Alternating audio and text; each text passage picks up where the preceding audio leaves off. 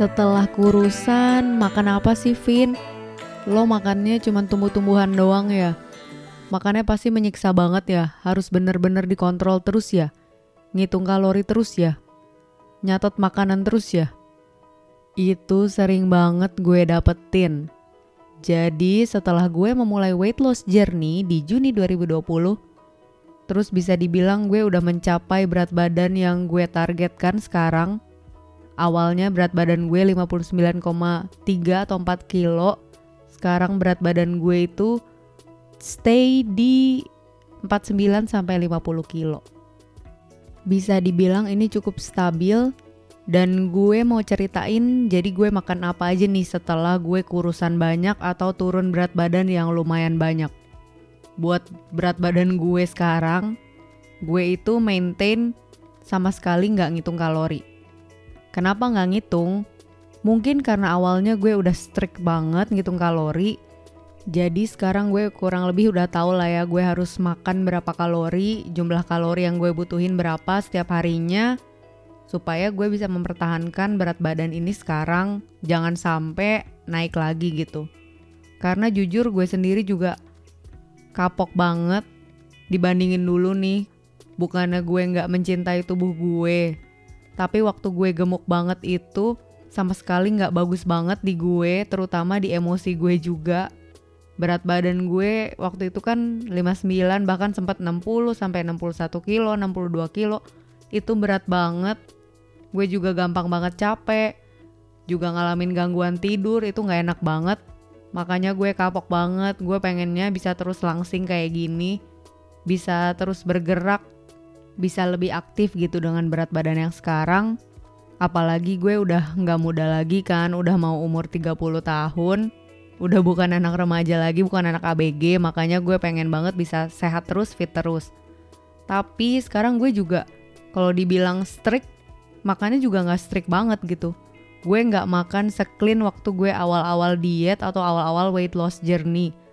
Walaupun gue nggak tahu nih, apakah kalian bisa mengikuti pola makan gue atau enggak yang sekarang. Yang jelas, gue sekarang bisa dibilang bisa makan apa aja. Gak ada batasan khusus, dan gue juga berusaha banget memperbaiki hubungan gue dengan makanan. Kalau dulu mungkin gue ngelabelin makanan kayak, ini makanan baik, makanan baik itu kayak salad, makanan yang benar-benar rendah kalori, dressingnya pun gak boleh yang benar-benar creamy, dijaga banget deh. Terus minumnya juga kalau minum kopi pakai gula diet. Bener-bener strict deh. Sementara untuk makanan yang jahat adalah martabak, gorengan, mie instan gitu. Sekarang gue udah berusaha banget nih nggak ngelabelin makanan kayak gitu. Karena gimana pun juga menurut gue sekarang nggak ada tuh yang namanya makanan yang baik ataupun makanan yang buruk. Jadi semua makanan sama aja gimana caranya kita ngontrol. Karena dari pengalaman gue sendiri, segala sesuatu yang berlebihan tentunya tidak baik. Gue sendiri sih agak kapok ya pernah diet ekstrim, misalnya makan ini doang, itu doang. Dari pengalaman diet-diet sebelumnya, makanya gue bener-bener gak mau kayak gitu lagi. Ya semuanya harus terkontrol aja gitu. Gimana caranya gue belajar merasa cukup sama makanan ketika gue pengen makan martabak ya udah makan aja makan sepotong. Gue nggak bakal kayak ngerasa bersalah. Kalau dulu nih gue pasti ngerasa bersalah banget. Apalagi pas mau makan martabak itu kan kayak craving parah. Pas makan itu tuh enak banget tapi abis itu langsung nyesel. Bawaannya pengen cepet-cepet minum obat pencahar biar bisa buang air besar. Pokoknya gimana caranya makanan itu yang gue nilai jahat bisa cepet-cepet keluar dari badan gue. Ini sama sekali nggak bagus. Padahal ya makanan itu nggak salah sama sekali gitu. Semua makanan diciptakan baik adanya, gue percaya sih. Apalagi lidah kita kan memang punya indera perasa yang macam-macam, bisa ngerasain manis, asin, pahit, asem, dan tentunya juga jangan lupa rasa pedas. Walaupun sebenarnya pedas itu kalau nggak salah nggak ada ya di list rasa yang harusnya dikecap oleh lidah kita.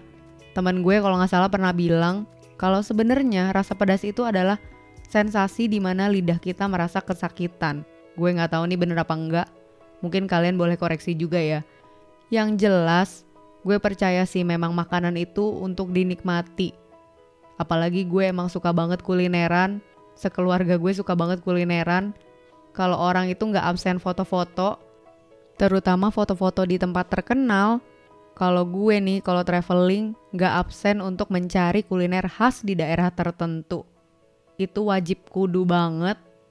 Diet nggak diet gue pasti nyari kuliner khusus dan gue nggak mau menyesali gak makan kuliner khas daerah tersebut cuman karena gue diet. Karena gue tahu memang makanan itu ada untuk dinikmati, bukan kita benci atau kita jauhi. Ya gimana ngatur porsinya aja gitu. Apalagi kalau traveling sama teman-teman kan, kita bisa bagi-bagi porsi. Gak usah makan satu porsi juga udah cukup. Nah balik lagi soal makanan. Kalau pas sekarang nih di berat badan gue 4950, gimana caranya gue maintain berat badan itu gue kalau sarapan biasanya nih kalau misalnya pagi gue nge-gym jam 7 itu pagi-pagi perut kosong gue minum air jeruk nipis itu pakai air hangat enak banget di perut dan ngebantu juga buat mah kronis gue habis itu lanjut minum whey protein buat nge-gym minumnya sebelum nge-gym sambil nge-gym setelah nge-gym sih kalau udah habis ya nggak minum lagi. Dan tergantung nih kalau gue lapar banget gue bakal sarapan lagi. Sarapannya juga nggak tentu, kadang roti walaupun gue juga sebenarnya nggak terlalu suka roti. Tapi kadang-kadang gue sarapan roti. Gak jarang gue juga sekarang bisa makan nasi uduk apa nasi kuning atau bubur ayam buat sarapan. Ini termasuk tinggi kalori ya, tinggi karbohidrat. Biasanya satu porsi itu gue nggak habis buat satu kali makan jadi kalau gue beli nasi uduk atau nasi kuning itu bisa dimakan buat 2 sampai 3 kali makan. Jadi kalau gue selesai nge-gym jam 8, terus gue lapar jam 10 makan, satu porsi makanan itu bisa gue makan di jam 10, jam 1, terus jam 3. Jadi bisa sampai 2-3 kali makan. Nah setelahnya nih, kalau misalnya jam 10 itu gue nggak sarapan, misalnya pagi minum whey protein aja abis nge-gym udah cukup. Gue biasa lunch antara jam 12 sampai jam 1 atau jam 2. Terus menu lunchnya juga tergantung. Biasanya sih lebih kayak nasi, pakai lauk pauk, sayur gitu. Gue sendiri lebih suka sayur yang gampang disiapin kayak tumisan sayur, pakcoy lah atau kailan atau chai sim, sawi putih dikuahin itu juga gampang banget bisa pakai tahu tempe yang dipanggang atau tinggal makan daging, telur. Itu sih yang gampang-gampang aja. Nasinya gue juga nggak makan nasi shirataki dulu awal-awal sih shirataki banget. Kalau nggak makan beras merah, tapi sekarang gue bener-bener makan nasi putih biasa aja gitu. Biasanya dicampur sama biji-bijian. Sesekali kalau ada nasi merah juga boleh makan nasi merah, tapi di rumah belakangan lagi nggak ada nasi merah jadi gue makan nasi putih aja biasa. Porsinya lebih kayak 2 sampai 5 sendok makan. Itu udah cukup sih buat gue. Habis itu ya banyakin aja sayurnya. Pokoknya sebisa mungkin gue makan sayur lebih banyak sih dibandingin makan nasi sama makan lauknya. Biasanya sih nasinya tuh sekitar seperempat porsi, terus mungkin dagingnya juga seperempat, Terus sayurnya sekitar 2 per 4 Jadi total tuh satu porsi segituan lah ya Kalian bisa ngerti kan Dan jujur nih teman-teman diet Gue sama sekali gak pernah takut makan nasi putih lagi Kalau dulu tuh bisa dibilang anti banget kali ya makan nasi putih Tapi sekarang gue udah ngerasa biasa aja kok Udah ngerasa berteman baik lagi dengan nasi putih Apalagi pas masih kecil tuh gue emang suka banget makan nasi putih bisa nambah 3-4 porsi Waktu belum mengenal diet jadi sekarang gue seneng sih. Gue udah bisa makan nasi putih lagi kayak orang normal. Walaupun gue tahu gue gak akan bisa makan nasi putih sebanyak dulu. Tapi yang jelas ya secukupnya aja gitu. Terus buat snacking sore, kalau di rumah ada buah ya gue makan buah atau enggak kadang makan oatmeal pakai coklat, pakai dark coklat.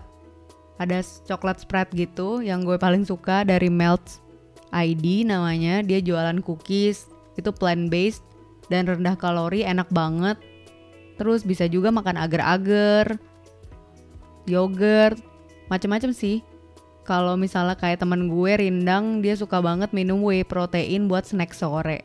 Itu juga bagus banget buat otot kita apalagi kalau paginya nge-gym kan. Karena whey protein itu kalau nggak salah memang bantu kita recovery supaya ototnya tuh bisa cepat pulih abis olahraga yang berat terutama kayak abis nge-gym, strength training gitu. Terus ya kalau malam gue makan kayak biasa aja kayak orang biasa Cuma porsinya ya memang tetap terkontrol. Gimana caranya gue juga nggak boleh makan berlebihan. Makan itu pokoknya nggak boleh sampai kekenyangan. Harus berhenti sebelum kenyang tuh. Orang kan sering bilang. Itu sih yang gue rasain sekarang. Jadi gue udah tahu nih. Gue butuhnya seberapa, cukupnya seberapa. Ya gue makan segitu aja. Intinya sih mungkin lebih kayak ke self control juga sih sama beneran present gitu. Jangan sampai kalap jangan sampai serakah. Kalau gue sih gitu. Gue bener-bener nggak ada pantangan berarti sih. Dan sesekali gue tuh juga beli gorengan masih gue suka banget makan combro. Hehe. Mungkin kalian ada juga nih teman-teman diet yang suka makan combro. Gue suka banget gorengan. Dulu tuh gila banget gue makan gorengan bisa sehari 10 kali ya.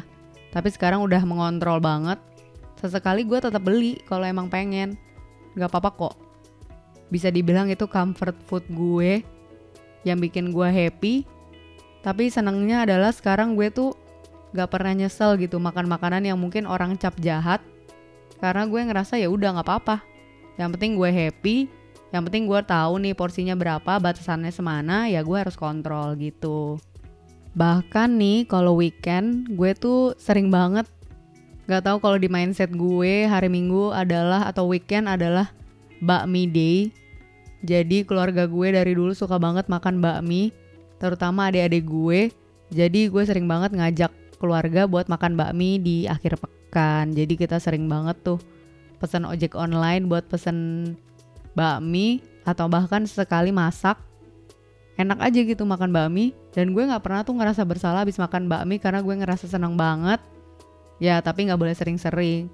Gue sendiri lebih takut kalau misalnya kena diabetes sih kalau kebanyakan makanan karbohidrat atau takut kolesterol kalau misalnya kebanyakan makan daging atau makanan yang berlemak. Bukan masalah soal berat badan gitu. Apalagi dari pengalaman bokap gue yang sakit. Jadi sekarang lebih bisa ngontrol makanan ya supaya nggak sakit, bukan cuman mau kurus aja gitu. Gue sendiri masih pelan-pelan sih memperbaiki hubungan gue dengan makanan berusaha banget gimana caranya ngelihat makanan itu sebagai sesuatu yang netral. Jadi ini ya guys, teman-teman diet semua, sharing gue tentang makanan apa sih yang gue makan sekarang setelah gue berhasil mencapai berat badan yang ideal, yang gue pengenin. Gue manusia biasa kok, gue masih makan di warteg juga sesekali bareng suami gue. Gue suka banget makanan warteg walaupun buat gue kadang tuh berbahayanya adalah karena minyaknya banyak banget. Jadi nggak boleh sering-sering gue takut nih kolesterol. Kadang bisa sampai pegel gitu lehernya karena kolesterol gue lumayan tinggi. Tapi sempat nih kemarin gue tes hasilnya baik banget jauh dibandingin terakhir kali gue check up medical check up. Ya gue bisa bilang semua perjalanan gue hasil kerja keras gue dalam ngejalanin weight loss journey sejak Juni 2020 itu worth it banget. Medical check up gue jauh lebih baik, kolesterol gue juga membaik. Jadi gue bakal terus melanjutkan berusaha hidup sehat terus, fit terus, olahraga terus. Ya seperti manusia normal aja deh. Gue pengen beraktivitas, berdiet dan olahraga secara normal, secara cukup ya terkontrol aja gitu. Oke deh, segitu aja sharing gue tentang makan apa sih setelah kurusan, Vin. Nah, itu dia yang gue jabarkan tadi. Pokoknya makanan gue ya kayak makanan kalian aja gitu. Cuma mungkin porsinya aja kali ya yang lebih terkontrol. Ya udah. Gitu deh. Thank you for listening. Sampai ketemu di episode podcast Cerpin selanjutnya. Bye bye.